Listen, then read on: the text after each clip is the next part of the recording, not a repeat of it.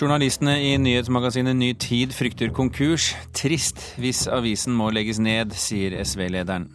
Stor interesse for dirigentkurs. Korpsbransjen håper det skal bidra til å løse dirigentmangelen i Korps-Norge. Og møt Ingrid Dale, Sandnes-kvinnen som forsøker seg som standup-komiker i Storbritannia. Dessuten er det festivalåpning i Haugesund i kveld, og to norske filmer har premiere i resten av landet. Vår anmelder anbefaler den ene, filmen Jeg er din. Du hører på Kulturnytt med Birger Kolsrud Aasund i studio.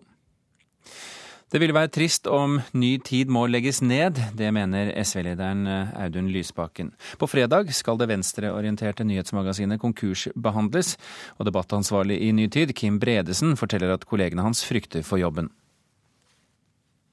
De er veldig redde for å eh, ikke få tilbakebetalt eh, det som Ny Tid skylder, eh, og at de kommer til å miste levebrødet sitt. Ifølge Kim Bredesen, debattansvarlig i Ny Tid, har det siste halve året vært krevende for journalistene i magasinet. Han frykter det verste når konkursbegjæringen skal behandles på fredag. Det verste kunne jo vært om Ny Tid ikke fikk på en måte en ny omstart, eller at journalistene forble arbeidsledige ytterligere flere måneder, noe som har vært en veldig tung periode for de fleste ansatte. Den eh, økonomiske situasjonen har jo vært ganske ille helt siden april, da, eh, hvor journalister ikke har fått lønn. Det avviser administrerende direktør i Ny Tid, Ramazan Ay. Han sier at alle unntatt ansvarlig redaktør, Dag Herbjørnsrud, har fått lønn som avtalt. Han viser til likviditetsproblemer og usikkerhet rundt den konkrete summen som grunner til at redaktørens lønn har latt vente på seg. Ny egenkapital, mer penger inn i kassa, det er svaret. Rolf Reikvam er talsperson for styret i Ny Tid. Det er ikke en god situasjon, det er jo en ganske håpløs situasjon. At det er blitt så vanskelig for oss at vi rett og slett ikke har klart å betale lønn. og Vi kan ikke vente lenger. Vi må ha inn penger i kassa, og det må vi ha i form av egenkapital. slik at vi er i stand til å drive på en skikkelig og på en lovlig måte, og ikke være sikker på at vi ikke driver på kreditors regning. Debattansvarlig Kim Bredesen mener at mye står på spill. Det er jo en 60-årig tradisjon som vil bli brutt ved en konkurs. Og det vil jo være en, eh, et både kulturelt og intellektuelt tap for Norge på den måten der. Også SV-leder Audun Lysbakken håper at Ny Tid slipper unna konkursen. Ikke minst pga. magasinets historiske betydning for hans eget parti. En ny tid er jo en veldig viktig del av vår historie. Utspringet til vårt parti var i eh, forgjengeren til Ny tid, orientering, på 50- og 60-tallet. Eh, så det er klart at det er en eh, viktig del av vår arv som den avisen forvalter. Hva går tapt dersom Ny tid erklæres konkurs på fredag? Jeg ville jo synes det var trist om, eh, om Ny Tid skulle gå konkurs, fordi eh, de er jo altså del av en lang eh, tradisjon på venstresiden i norsk politikk, som jeg håper det fortsatt er rom for i, i Presse-Norge.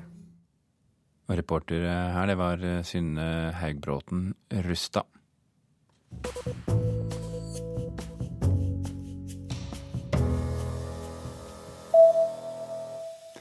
Dataspill har gitt mindre ungdomskriminalitet. Kriminaliteten blant norske ungdommer har falt 25% på ti år. Forskningsinstituttet NOVA trekker frem bruk av dataspill og sosiale medier som en viktig grunn til nedgangen. Dataspill og muligheter for å være sosial på nettet gjør at flere tilbringer mye tid hjemme, sier forskningsleder Anders Bakken i NOVA til Aftenposten. En tysk kunstner er frikjent for å ha utført en nazihilsen. Maleren Jonathan Miese ble i sommer tiltalt for å ha hevet den høyre armen i en nazihilsen under en kunstkonferanse. Påtalemyndighetene krevde at kunstneren skulle betale en bot på 94 000 kroner for handlingen, men nå har tysk rett slått fast at handlingen var et kunstnerisk uttrykk som beskyttes av ytringsfriheten. Kunsten har triumfert, slo kunstneren selv fast etter dommen i går.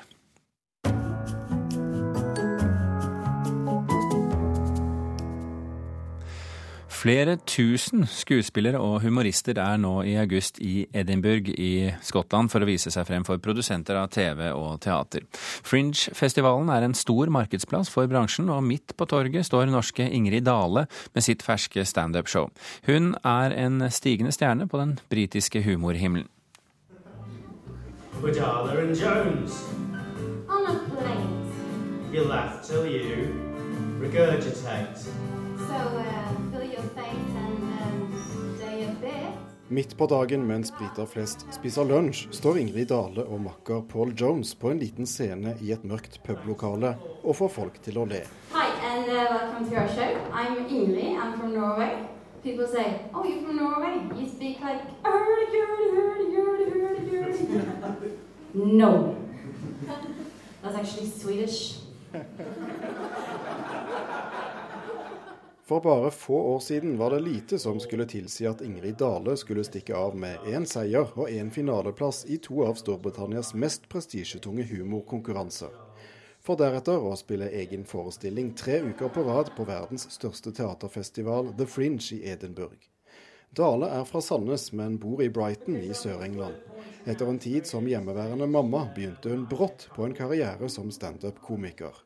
Eh, jeg eh, var hjemmemamma, så jeg bestemte meg for å gå på eh, noe som var utenfor min komfortsone. Så det var enten zumba eller standup-kurs. Så da valgte jeg standup-kurs. Det var litt heftigere. Så det var grunnen til jeg begynte med det. Og nå elsker jeg det. Fra første gang på scenen så har jeg funnet at dette er det jeg vil gjøre. Men lett er det ikke. Storbritannia er kanskje Europas vanskeligste sted å slå gjennom som standup-komiker.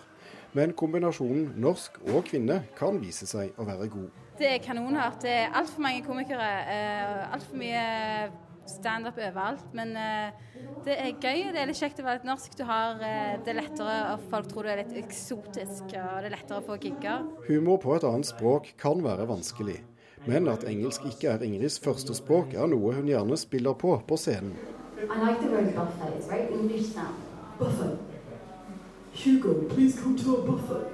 There's going to be lots of sheer butter and hummus at a buffet. Oh.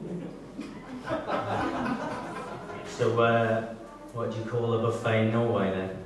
Koldtbord. Koldtbord. Og publikum liker det de ser. Yeah, I enjoyed it very much. Yes, yeah. I thought it was wonderful. Paul was very, very funny. She's a lot wackier as well, but it was great. Really enjoyed it. I loved it. It was really good fun. Kompanjongen Paul Jones er allerede en erfaren komiker, og er bl.a. forfatter for programmer på BBC. Vi treffer ham på gaten utenfor etter forestillingen. Han mener Ingrid er et stort talent, og at hun er norsk er ingen barriere. So unique, and that's what is great about live comedy is you can see someone you, that you wouldn't necessarily see on TV yet, but she's destined to be on telly, definitely. She's so brilliant. Og The Fringe er absolutt et steg i riktig retning på karrierestigen. Det er veldig viktig bare for uh, å vise senere at uh, du er seriøs om å bli komiker. It's like um, an industry show and uh, everyone is here in comedy and this is where everyone is and, and it's like setting out your stall, showing what you do. There's producers and, and people who work in the media are all here to see people and find the next, the next thing with a buzz about it. Festivalen er som å sette opp en bod på torget og selge seg selv. Her er alle produsentene og TV-sjefene for å finne nye stjerner, forklarer Jones. For Ingrid Dale er det ingen tvil om hva som skal skje det neste året. Um, jeg har lyst til å fortsette med standup. Um, jeg jeg syns det er kjempekjekt. Det er ingenting annet å tenke meg å gjøre. Så det blir bare å satse på 120% gjennom året som kommer nå, og satse på å ha eget show til neste år. Du hørte her altså Ingrid Dale, og vår reporter i Edinburgh disse dagene, det er eh, Thomas Alvarstein eh, Ove.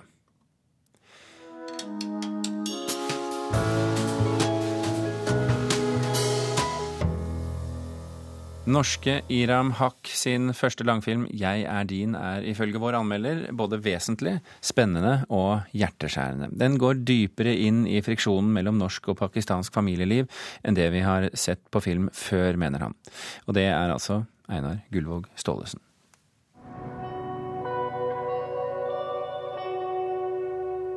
मैं तो दवाइयाँ खा खा के थक गई हूँ लेकिन आराम नहीं आ इनको बहुत दर्द हो रही Jeg er din heter filmen. den kunne også hete Jeg er min eller Du er min. For den dreier seg om konflikt mellom den ene og fellesskapet. Og om strømmer og motstrømmer og sidestrømmer i møter mellom egen vilje og tradisjonens forpliktelser. Den handler om forskjellen på tilknytning og binding, og sier mye om pakistansk familieorden og et liv i Norge. Vi får oppleve det midt i malstrømmen. Filmen tør å vise hva og hvordan. Hvorfor vil ikke du til Nav? Slutt å mase! Mina påfører sin familie skam. Skammen forsterker seg for hvert skritt hun tar. Familien aksepterer ikke livsstilen hennes. Mannen hadde ikke forlatt henne hvis hun ikke hadde rotet med andre. Ok, For eksempel, hun mamma er skikkelig forbanna enda at uh, den brukte så masse penger på å bortføre meg til Pakistan når jeg var 14 år gammel. Mens han pappa han er bare utrolig irritert at han ikke fikk tippa denne uken. Fordi han måtte følge meg dit. Situasjoner fremmer personlighetstrekk som minner om narsissisme eller ynkelighet. Men tenk på meg, da, sier den pakistanske moren og bestemoren som ikke blir hørt og kjenner seg forsmådd i alle forhold. Hva med meg, spør den svenske filmregissøren som kjenner sånn på at det han gjør er så viktig at andre må ta mer hensyn. Jeg er din er en film som handler om tilstander mer enn om hendelser. Den er hjerteskjærende fordi skildringen er nøktern. Filmen virker sann, den virker grundig, den virker real. Amrita Azaria i den krevende hovedrollen Et sterkt møte. Hun er fra Katmandu og Ukraina og England og Tromsø, og har nepalsk far og ukrainsk mor, men får oss til å tro at hun kjenner den muslimske familieorden på kroppen.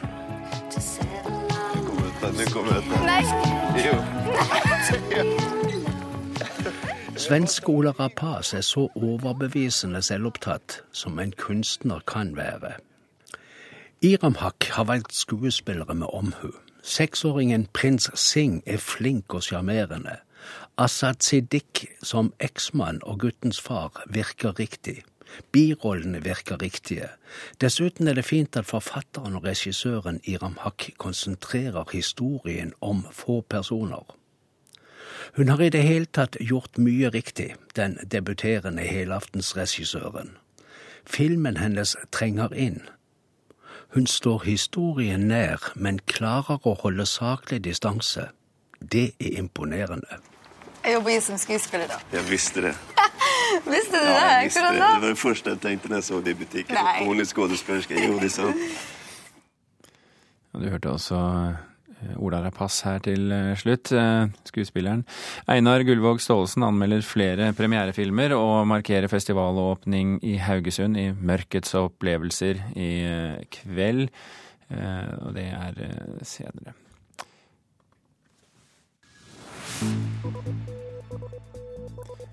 Klokken er 16 minutter over åtte. Du hører på Kulturnytt, og dette er toppsaken i NRK Nyheter akkurat nå. Rekordmange pasienter orker ikke å stå i kø for MR-undersøkelse ved offentlige sykehus, og betaler heller selv på private institusjoner. En rekke land protesterer etter at nesten 300 mennesker ble drept under gatekampene mellom demonstranter og soldater i Egypt i går. Og over halvparten av søkerne blir nå nektet startlån fra Husbanken. Dette øker klasseskillet i boligmarkedet, mener privatøkonom. Det er gjort et nytt myntfunn i Skien som kan være unikt i norsk sammenheng. Mynten som er funnet er trolig fra 1573 og preget av dronning Elisabeth den første. Jarle Andersen fant mynten med metalldetektor. Nå har jeg slått på den, da, og da går jeg tilfeldigvis sånn, og så Metalldetektoren til Jarle Andersen piper kontinuerlig når han demonstrerer hvordan den reagerer på sølvmynten. Med en mer detaljert detektor peker han eksakt på mynten, som ser ut til å være preget av dronning Elisabeth den første. Jeg lurte først på om det her var riktig, for at jeg har jo aldri funnet en sånn hamra sølvmynt før. Nei, jeg ble litt i ekstase, egentlig. Nei, det er veldig stort. Veldig moro.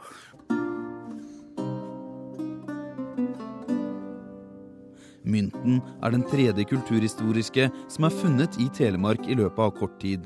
Hvorfor vet ikke Katrine Dahl, som er feltarkeolog hos fylkeskommunen. Vi vet ikke sikkert, men vi kan anta at den kan komme fra handel. Bl.a. var det stor eksport av brynestein fra Eidsborg, eh, som kan ha gjort at eh, den har havna her. Eller så kan det være trelasteksport. Eh, vi har hatt veldig få myntfunn i Telemark tidligere. Så å gjøre slik, et slikt funn med en sølvmynt er spesielt. Svein Harald Gullbekk ved Kulturhistorisk museum i Oslo er en av de som kan aller mest om gamle mynter i Norge. Han kan ikke huske at det er funnet en lik mynt her i landet tidligere. Nå skal mynten registreres og undersøkes av Gullbekk og kollegaene. Det er et uh, morsomt uh, funn som forteller oss om myntbruk i en periode hvor det ble preget lite mynt i Norge, som annen halvdel av 1500-tallet, da vi brukte mye tysk og engelsk mynt her til lands. Reporter her, det var Fredrik Larland Ekeli. Korpsene i Norge sliter fortsatt med å få tak i dirigenter, og flere tiltak er nå satt i verk for å snu denne trenden. I sommer har alle barn på spillekurs uh, fått utdelt dirigentpinne, og denne uken er 100 dirigenter fra hele landet, mange av dem ungdommer, samlet til intensivkurs i Stavanger. Det er bra. Starter her ute. Helt her ute. Kommer inn i beltehøyde. Fortissimo. Åh! Én. To. I Bjerkstedparken ved det gamle konserthuset i Stavanger står ca. 30 personer i en stor ring med hver sin taktstokk. De veiver og gjør som den erfarne dirigenten Trond Korsgaard sier. Mer arm. Kommer høydepunktet nå på eneren. Kommer her. Og én. På platået rett bortenfor står en annen ring av mennesker i solskinnet og dirigerer etter beste evne. Flott, flott, flott. Det her er bare snakk om å øve. De får kyndig hjelp av Morten Wensberg, dirigentlærer ved Universitetet i Stavanger. Også, vet du, jeg har ikke noe mot sånn for øvelsens skyld at man sier at nå skal jeg ikke bruke armen, men hvis du dirigerer, så går ikke det. Altså. Ja, det gjør ikke. det er du enig i. Wensberg er initiativtaker til Dirigentuka, som samler 100 dirigenter fra hele landet. Unge og gamle, erfarne og uerfarne, til en drømmeuke for å lære av de beste dirigentene i Norge. Nei, det er utrolig gøy.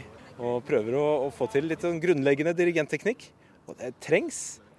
Ja, Mitt navn er Tarjei Gilbrandt. Kommer fra Langhus og dirigerer eh, lokale korpset der, Langhus Brass. Eh, og også et litt mer prosjektbasert korps, Montebello Brass. Og jeg er med her for å få påfyll for det som er min hobby. Jeg tror det gir veldig store ringvirkninger for korpsbevegelsen i Norge eh, å få hevet nivået på ikke toppdirigentene, men alle de mer hverdagsheltene som finnes rundt i det ganske land. En rekke korps og kor risikerer å bli lagt ned pga. mangel på dirigenter. Norges Musikkorpsforbund er bekymret. Våren 2011 kunne vi høre i Kulturnytt at mangelen på korpsdirigenter var prekær. Dirigentuka, som i år arrangeres for andre gang, er et av tiltakene som er satt i verk for å gjøre noe med det, sier Morten Wensberg. Ja, absolutt. Det er klart det. Altså, det er begrenset faglig hva vi får til i løpet av uken, men det er noe. Vi retter oss på en måte både mot de som er i felten og har jobbet noen år, og som ønsker litt påfyll, men også veldig veldig viktig for oss å satse på ungdommen og gi de utviklingsmuligheter. Men tradisjonelt så finnes det ingen eller veldig lite aktivitet for tenåringer som driver med dirigering. Og det ønsker vi å gjøre noe med. Vi ønsker å vise at dirigering er noe som man kan lære seg. Det er ikke bare en gammel mann med en pinne som driver med magi. Ikke sant? Den maestro-myten er veldig ungdomsfiendtlig. Jenny Elise Øyen. Jeg er 18 år.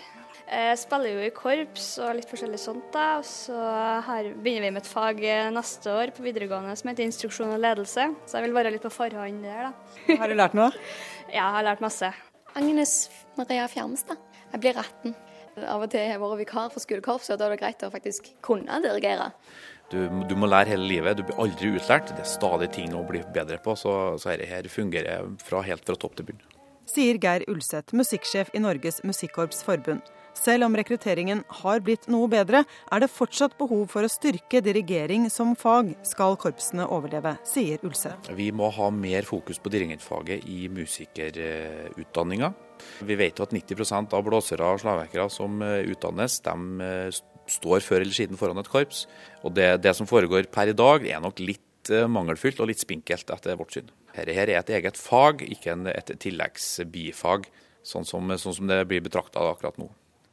Ja, Det sa Geir Ulseth, musikksjef i Norges Musikkorps Forbund. Og reporter her, det var Anette Johansen Espeland. Og nå fra Stavanger til Oslo og til Oslo Jazzfestival.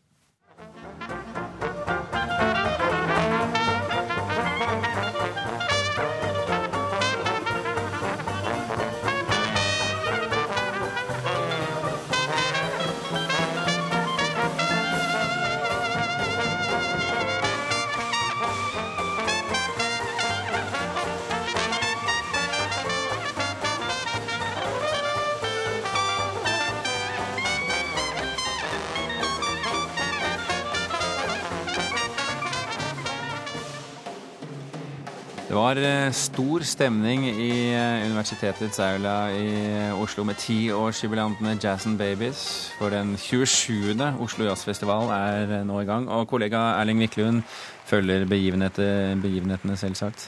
Hva syns du så langt?